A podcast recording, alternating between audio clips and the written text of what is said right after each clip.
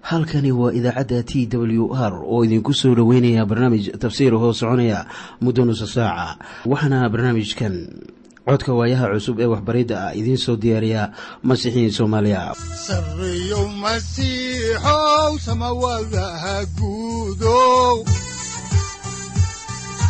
Siraadkii adduunkow subanaha eebow sareyow masiixow samawadaha guudow siraadkii adduunkow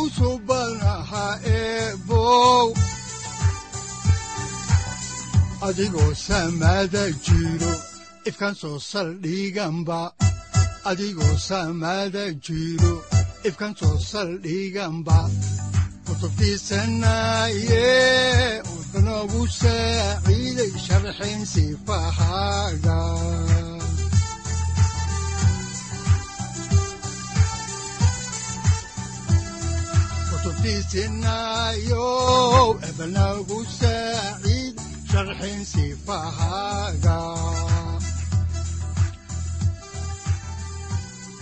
ku soo dhowaada dhegaystayaal barnaamijkeenna dhammaantiinba waxaannu horay idinku sii wadi doonnaa daraasaadkii la magac baxay baibalka dhammaantii.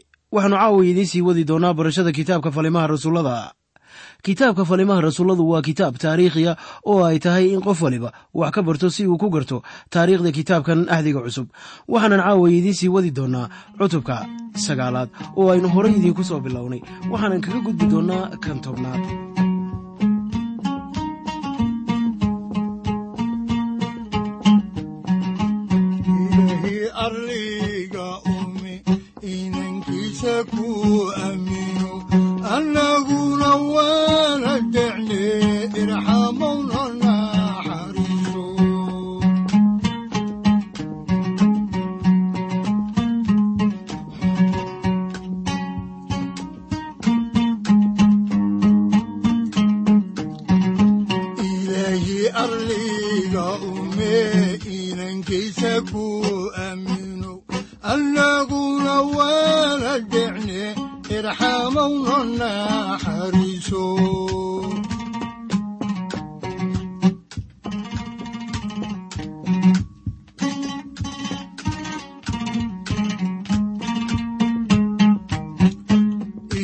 arliga yimido arrinka amraayu aha.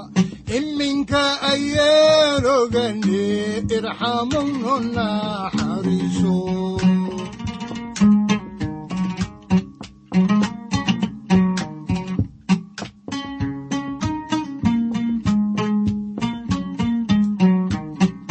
casiisow adaa casumo cunugagi carshigaga ceedka siiye irxamowna naxariiso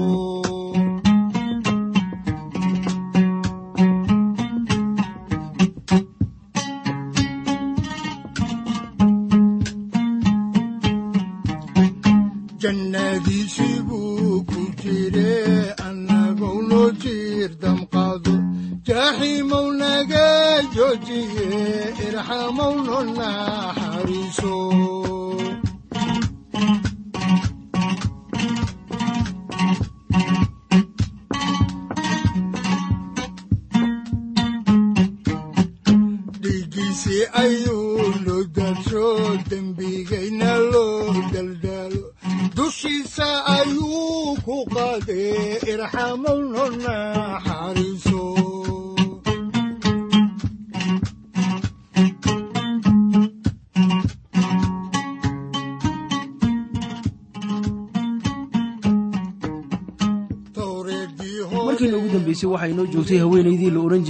dorkas oo hibada loo siiyey daabacadda oo ku dhimatay yaafa.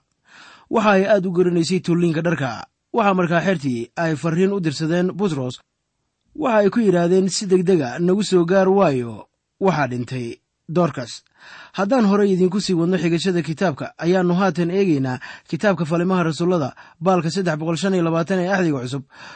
Cutubka sagaalaad aayadda sagaal iyo soddonaad waxaana qoran sida tan. Markaasaa butros kacay oo raacay iyagii oo kolkuu yimidna waxa ay geeyeen qolladii sare. Carmaladii oo dhammina way ag taagnaayeen iyaga oo ooyaya oo tusaya garbagashiyadii iyo dharkii dhoorka samaysay. Intii ay la joogtay iyaga waxaynu halkan ka ogaanaynaa inay carmalada ahaayeen. Kuwii soo bixinayay dharkii ay toli jirtay si ay u tusaan butros waxaana ay soo xidheen dharkii iyaga oo muujinaya sida quruxda badan ee doorkaas dharkaas ay u samaysay. Maxay haddaba carmaladu sidaa u yeeleen? Waxay sidaa u yeeleen waxay ahayd in ay masaakiin ahaayeen. Wax dhar ah oo ay guntadaan ama xidhaan oo macno leh ayaan jirin haddaanay ahayn doorkaas. Iyadaa dharkan u tashay oo siisay taasina waxay ahayd hawshii dhoorkaas ay u haysay beesheeda. Dharka ay tolaysay ayaa waxa uu ahaa hadiyad ay lahayd waxaana ay ka heshay hadiyaddaas ruuxa quduuska ah. Haddaan saaxiibayaal horay idiinku sii wadno kitaabka. Ayaannu eegaynaa falimaha rasuullada cutubka sagaalaad aayadaha afartan ilaa koob iyo afartan waxaana qoran sida tan. Laakiin butros baa dhammaantood dibadda u saaray markaasuu jilba joogsaday oo duceeyey oo intuu meydka xaggiisa u jeestay ayaa uu ku yidhi tabitay kac markaasay indhihii kala qaaday oo markay butros aragtayna way fadhiisatay markaasuu gacan siiyey oo kiciyey oo markuu u yeedhay quduusiintii iyo carmalladiiba iyadoo nool ayaa uu hortaagay waxaa haddaba halkan yaalla tusaale ku saabsan hadiyadda mucjisooyinka. Waxaana iminka aynu haysannaa kitaabka falimaha rasuullada oo ah kitaab ka hadlaya taariikhdii kiniisadda adeeggii ama hawshii simon butros oo ahaa rasuul iyo hawshii rasuul boolos oo ahaa isna rasuul. Sawloskii reer tersosna waxa uu noqday rasuul waxaana uu ahaa rasuulkii quruumaha qorniinku waxa uu sheegayaa in labada rasuul ay dad dhimashadii ka sara kiciyeen mana ahan oo keliya kuwii laynoo sheegay. Laakiin waxaa suuragala in kuwo badan oo aan halkan ku qorayn inay dhimashada ka sara kiciyeen waayo waxay lahaayeen hadiyadda mucjisooyinka. Haddaba hadiyadda mucjisada waxaa lahaa rasuullada.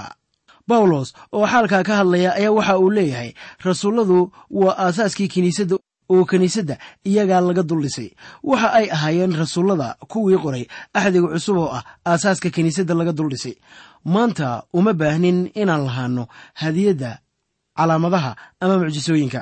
Maanta waxaa la doonayo inaan ka fikirno waxa weeye waxbaridda toosan ee kiniisadda wakhtiyadii dambe ee la qorayey qorniinka axdiga cusub ayaa rasuul yoxanaa warqad qoray bal waxaad iminka dhegaysataa wixii uu ka yidhi si aynu u kala garanno kuwa ina khiyaanaynaya iyo kuwa ilaah aaminsan. Haddaba aynu eegno warqaddii labaad ee rasuul yoxanaa cutubka koowaad aayadaha toban ilaa koob iyo toban. Waxaana qoran sida tan haddii nin idin yimaado oo uusan cilmigan idiin keenin gurigiinna ha soo gelinina hana salaamina waayo kii salaamaa waxa uu ka qayb galaa shuqulladiisa sharka ah markii la soo gaaray dhammaadka wakhtigii shaqadii rasuul bawlos ayaa waxaa muuqanaya inaanu bawlos isticmaali jirin hadiyadiisii bogsinta. Tusaale ahaan waxaad ogaataa in uu ka tegay torofimos isaga oo jiran. Muxuu haddaba bawlos u bogsin waayey torofimos bawlos sidaannu arkayno waxa uu soo gaaray dhammaadka hawshiisii wacdiska markaa markaana calaamadii hadiyadda mucjisooyinka ayaa ka tegaysay kiniisadda bilowga hawshii bawlos ayaan la arkaynin wax qoraal ah oo kitaabka axdiga cusub uu lahaa oo diyaar ahaa. Bawlos qudhiisa ayaa qoray kitaabkii labaad ee axdiga cusub. Markii uu yimi dhulkii cusbaa isaga oo fariinta wada ayaa isweydiinaysaan waxa xukunkiisu ahaa.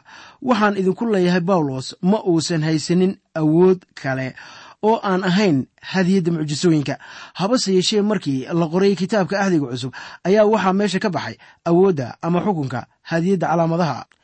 Bawlos ayaa horay ugu sii digay oo waxa uu leeyahay haddii aad aragtaan nin aan waxbariddiisu ku salaysnayn dhaqanka kiniisadda inkastoo uu xitaa malag yahay ka yimi samada ha qaabilina. Haddaan halkaa wax idinka taabanno ayaa waxaa habboon inaan eegno warqaddii rasuul bawlos u qoray dadka galaatiya cutubka koowaad aayadda siddeedaad baalka saddex boqol sagaal iyo labaatan ee axdiga cusub waxaana qoran sida tan laakiinse annagu ha noqoto ama malaa'ig samada ka timid ha noqotee kii idinku wacdiyey injiil aan ahayn kaannu idinku wacdinay ha inkaarnaado. Haddaba maalmihii hore ee kiniisadda ayaa calaamadaha rasuulladu ahaayeen kuwo muhiima. Waxaad haddaba ogaataa sidii ay kaga jawaabeen dadkii markii ay maqleen in doorkaas ay soo noolaatay. Haddaba dib ugu noqo kitaabka falimaha rasuullada cutubka sagaalaad. Waxaanan arkaynaa haatan aayadda labiyo afartanaad waxaana qoran sida tan. Taasna waa laga ogaaday yaafaha oo dhan. Kuwo badanna waa rumaysteen rabbiga haddaba hadiyadda mucjisooyinka waxaa loo isticmaalay in dadka loogu xaqiijiyo injiilka nimcada in lagu wacdiyo. Haddaan iminka eegno aayadda ugu dambaysa ee cutubka sagaalaad ayaa waxaa ku qoran kitaabka falimaha rasuullada aayadda saddex iyo afartanaad sida tan. Waxaana dhacday inuu maalmo badan yaafaa la joogay nin la yidhaahdo simoon oo migdeeye ahaa. Haddaba kuwa migdeeye hargaha waxay isticmaalaan ashito si haraggu aanu u qurmin haddaba yaafaa waxaa ku yaalla ilaa iyo iminka gurigii la sheegay inuu simoon butros la joogay. Ninka la yidhaahdo simoon ee megdeeyaha ahaa. Haddaba waxaa intaa ku soo ekaanaya cutubkii sagaalaad oo wax badan aynu kaga hadlaynay mucjisooyinka rasuullada oo ahayd hadiyad gaar u ah rasuullada oo keliya. Haatanna waxaannu si toosa u bilaabaynaa kitaabka falimaha rasuullada. Cutubkiisa tobnaad haddaba cutubkan tobnaad waxa uu ka kooban yahay hal mawduuc waxaana weeye toobadkeenkii korneliyos oo ahaa boqolu taliyihii reer roma. Waxaana la sheegay inuu yahay ama ka soo farcamay yaafa oo ahaa wiilkii nuux. Cutubkan tobnaad waxa uu sii ambaqaadayaa hawshii simon butros. Dabeetana simon butros waxaa looga gudbayaa oo qisadu u gudbaysaa rasuul bawlos inkastoo rasuul bawlos ahaa rasuulkii qurumaha ayaa butros furaya iridda qurumaha lagu gaari lahaa kadib markii uu galo gurigii korneliyos halkaasoo uu ku guddoonsiiyey nabaadinada ciise masiix isaga oo korneliyos jooga gurigiisa. Waxaanan ku bilaabaynaa muuqaalkii la tusay korneliyos haddaan idiin bilowno xigashada cutubka tobnaad ee kitaabka falimaha rasuullada ayaannu iminka eegaynaa aayadda koowaad waxaana qoran sida tan haddaba waxaa kaysariya joogay nin la oran jiray korneliyos oo taliyo u ahaa boqol askari oo la oran jiray ciidankii talyaaniga. Waxaad haddaba xusuusataa in rasuul bawlos joogay kaysariya sida ku qoran kitaabka falimaha rasuullada cutubka sagaalaad aayadda soddonaad. Sida abaartaana qaar kale oo rasuullada ka mid a ayaan injiilka ku wacdiyeynin xeebaha. Haddii qof ka sodcaalo yaafaa halka kale ee uu tegayo waa kaysariya oo ahayd magaalo ay reer rooma lahaayeen ama degganaayeen aan idhaahdee. Waa meeshii uu bilaatos ku noolaa guddoomiyaha gobolka iyo taliyayaasha kale ayaa halkaa weliba degganaa waana meesha uu degganaa korneliyos korneliyos waxa uu ahaa boqol u taliyo xukumo boqol askari oo ciidanka talyaaniga ah haddaba ciidamada talyaaniga waxa ay qayb ka ahaayeen askartii reer roome ee lagu tababari jiray waddanka talyaaniga. Haddaan horay idiinku sii wadno xigashada ayaannu eegaynaa cutubka tobnaad aayadda labaad waxaana qoran sida tan. Ninkaasu nin cibaadaysan buu ahaa oo ilaah buuna ka cabsan jiray isaga iyo gurigiisuba. Dadkana sadaqooyin badan buu siin jiray oo had iyo goorba ilaah buu baryi jiray. Haddaba ninkanu sidaan arkayno waxa uu ahaa nin cibaado leh waxaana taasu ka macno tahay in si hagaagsan loo jihaynayo. Waxa uu gartay sida uu ugu xiran yahay waxyaabaha rabbaaniga ah. Waxaad xusuusataa in xitaa qolooyinka karaahiyada ahi ay ilaah kusheegyadooda aad u jecel yihiin oo ugu go'an haddaba way wanaagsan tahay in masiixiyiinta maanta ay ka tukadaan sidii ay ilaah wax badan ugu soo dhowaan lahaayeen. Si la mid ah sidii uu ahaa korneliyos oo had iyo goorba ilaah aad u baryayay korneliyos waxa uu ahaa mid ilaah ka cabsada oo cibaado leh. Ma ahayn nin diinta yuhuudda aaminsan laakiin dhankaas ayaa uu u janjeeray.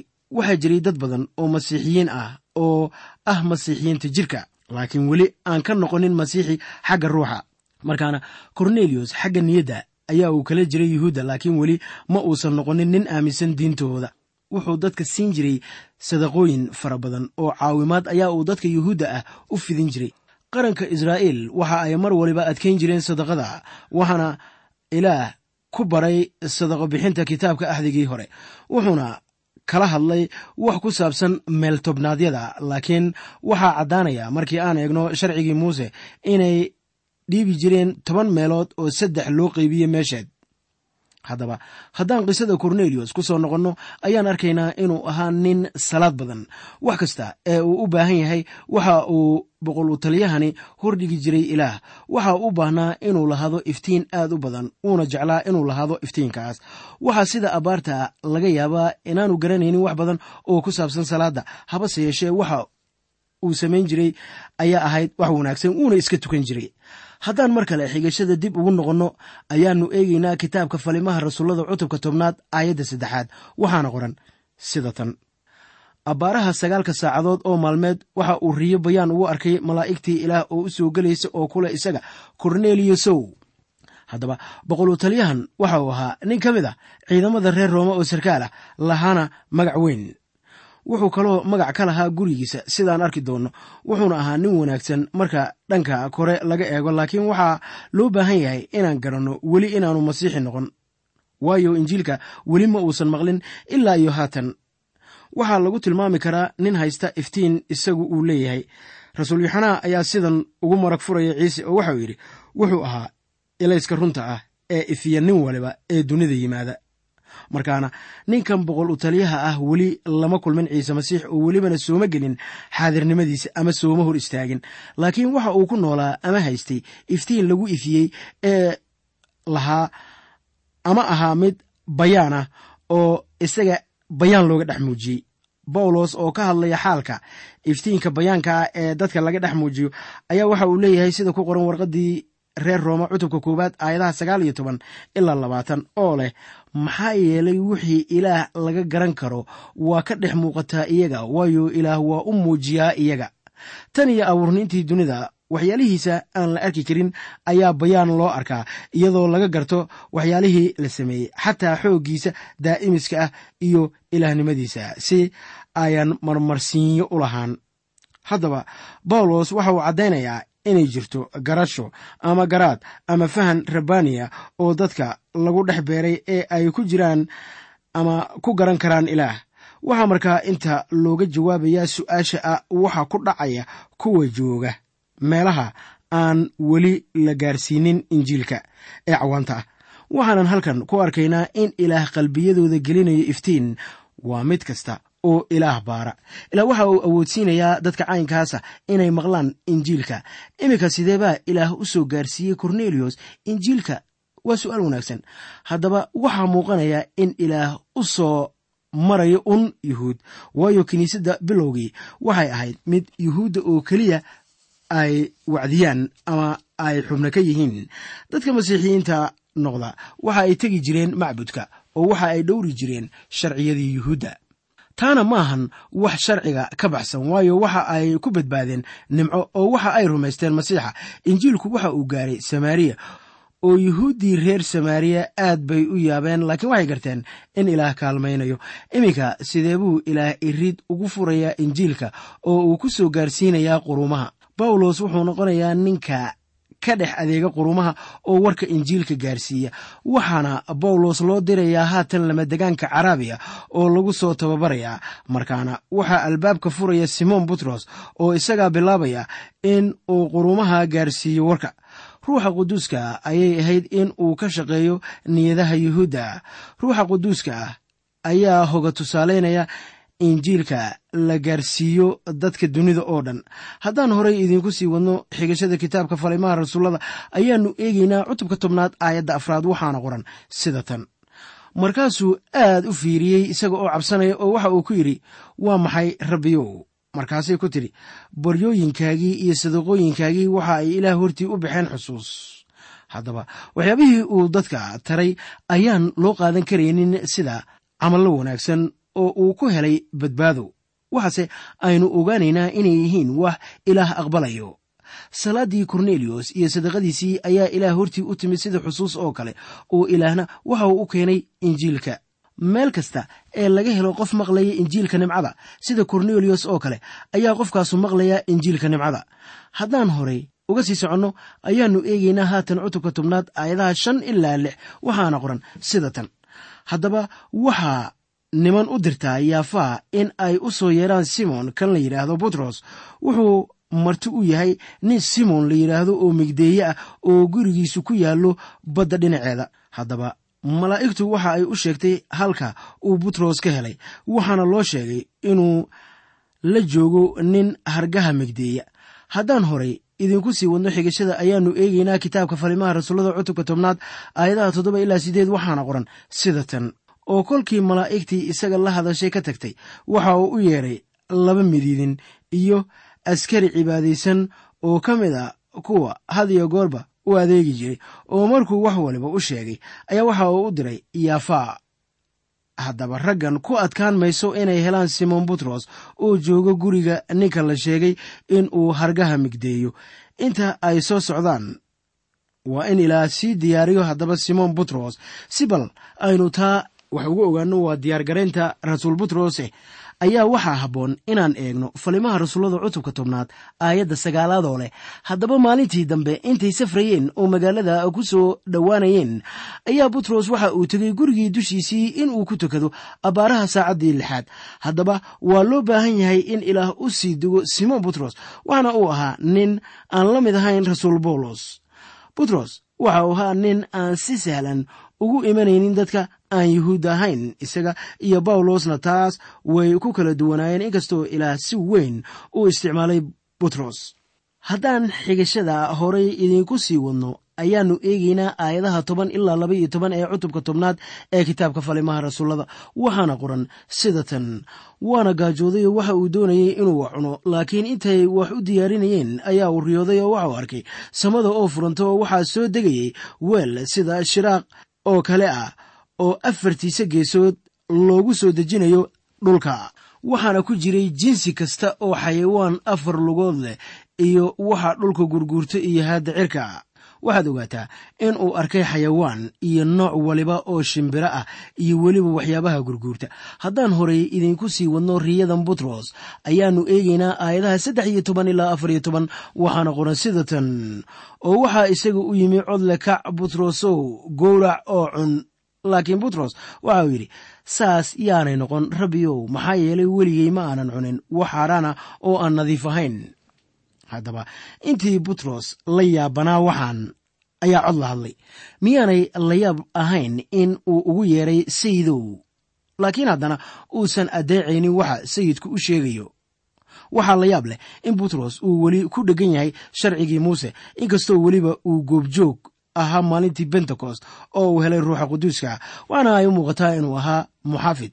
Aan doonaynin inuu wax waliba si sahla u qaato haddaba inaad wax cunto beddeli mayso xiriirkii aad sayid ciise masiix la lahayd wax kastoo ay yihiin waxa aad cunaysaba.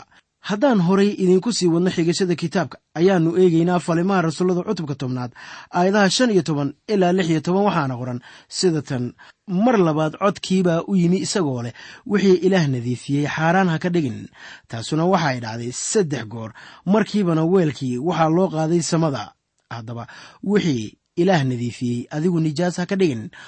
Waanaad cuni karaysaa waxyaabahaas. Waayo haddii sayidku sidaa yidhaahdo sidaas unbay ahaanaysaa butros waxa uu la yaabay waxa waxyaabahaasu ahaayeen. Haddaan horey idinku sii wadno xigashada kitaabka ayaannu eegaynaa kitaabka falimaha rasuullada cutubka tobnaad aayadaha toddoba iyo toban ilaa labaiyo labaatan waxaana qoran sida tan haddaba butros intuu si aada ugu wareersaday riyadii uu arkay waxa micnaheedu ahayd bal eega nimankii kornelio soo diray iyagoo mar weydiistay gurigii simon ayay waxay istaageen albaabka hortiisa. Waxayna u yeedheen oo weydiisteen in simon kan la yidhaahdo butros uu meeshaa marti ku yahay iyo in kale. Oo butros intuu riyadii ka fikirayey ayaa ruuxa waxa uu ku yidhi baleeg saddex nin baa ku raadinaysa. Haddaba kac oo hoosta tag oo raac adoo aan shaki lahayn. Maxaa yeelay anaa soo diray. Markaasaa butros nimankii hoos ugu tegey oo waxa uu ku yidhi bal eega anigu waxaan ahay kaad raadinaysaan. Waa maxay sababta aad u timaadeen? Markaasay waxa ay ku yidhaahdeen korneliyos oo boqol askari u taliya oo ah nin xaqa ilaahna ka cabsada oo quruunta yuhuudda oo dhammuna wanaaggiisa u markhaati furto waxaa u degay isaga malaa'ig quduusa in uu gurigiisa kuugu yeedho. Hadallona kaa maqlo simoon butros waxa ay la ahayd inuu aado kaysariya wufuuddan ka socota korneliyos ayaa isaga u keentay akhbaar waxaana loo fidiyey casumaad uu ugu yimaado iyaga oo uu ku soo gaaro gurigii korneliyos iminkana waxaannu soo gaarnay maaddada ku saabsan toobadkeenkii korneliyos si aynu markaa toobadkeenkiisa wax kaga ogaanno ayaa waxaa habboon inaan horay idinku sii wadno. Xigashada kitaabka falimaha rasuullada cutubka tobnaad aayadaha saddex iyo labaatan iyo shan iyo labaatan waxaana qoran sida tan. Sidaas aawadeed ayuu gudaha ugu yeeray oo martigeliyey maalintii dambe ayuu kacay oo iyagii la baxay. Walaalihii yafaa joogay qaarkood ayaa raacay isagii. Maalintii dambe waxa ay soo galeen kaysariya korneliyosna iyaguu sugayey isaga oo isugu yeedhay xigtadiisii iyo saaxiibadiisii u dhowaa. Markuu butros soo galay ayaa korneliyos ka hor yimi lugihiisana ku dhacay waana caabuday. Waxaannu markaa haatan arkaynaa in korneliyos uu magac ku lahaa qoyskiisa iyo saaxiibadii. Waxaannu arkaynaa in uu ugu soo yeedhay munaasabaddan waxaan kaloo arki doonnaa in korneliyos uu weli ku socdo dhaqankii dadka aan yuhuudda ahayn ama aan ilaah aqoon markii malaa'igtu ku tiri waxaad u yeertaa simoon butros ayay la noqotay in ninkanu derajo sare joogo. Markaasuu u sujuudayoo caabuday butros. Waa waxiise leh haddaba in simoon butros si kulul ugu jawaabay. Saaxiibayaal simoon butros ma aqbali karo in loo sujuudo. Taa yeeli maayo. Waayo waxa uu garanayaa in ilaah leeyahay sujuudda haddaan horay idiinku sii wadno xigashada kitaabka ayaannu eegaynaa aayadda lix iyo labaatanaad waxaana qoran ama aayaddu leedahay sida tan.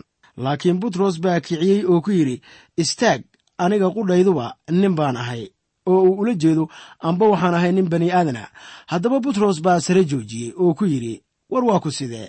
Ma innagaad na caabudaysaa.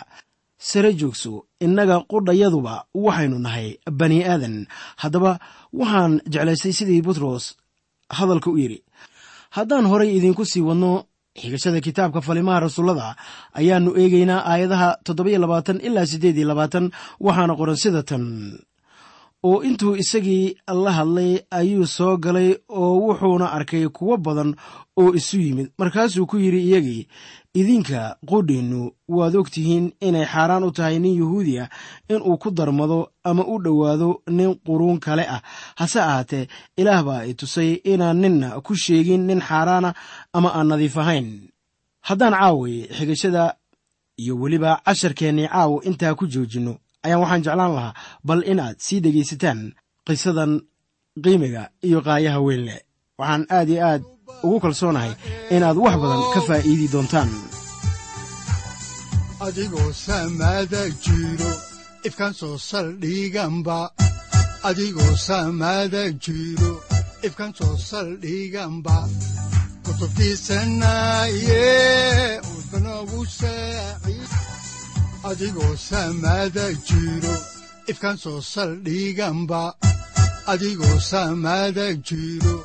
ifkan soo saldhiganba halkani waa t w r idaacadda t w r oo idinku leh ilaa ha idin barakeeyo oo ha idinku anfaco wixii aad caawi ka maqasheen barnaamijka.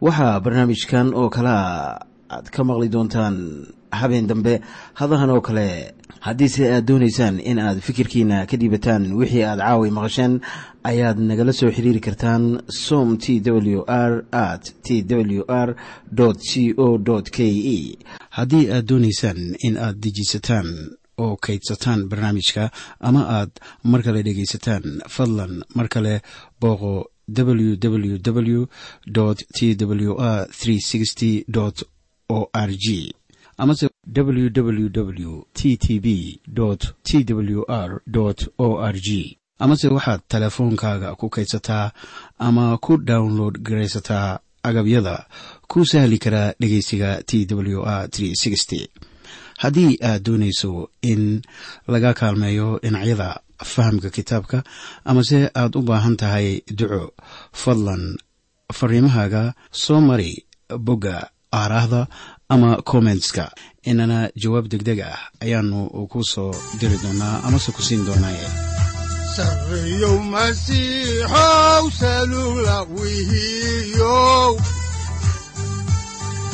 saacadda timid dhulka sabada ku dhalatiyo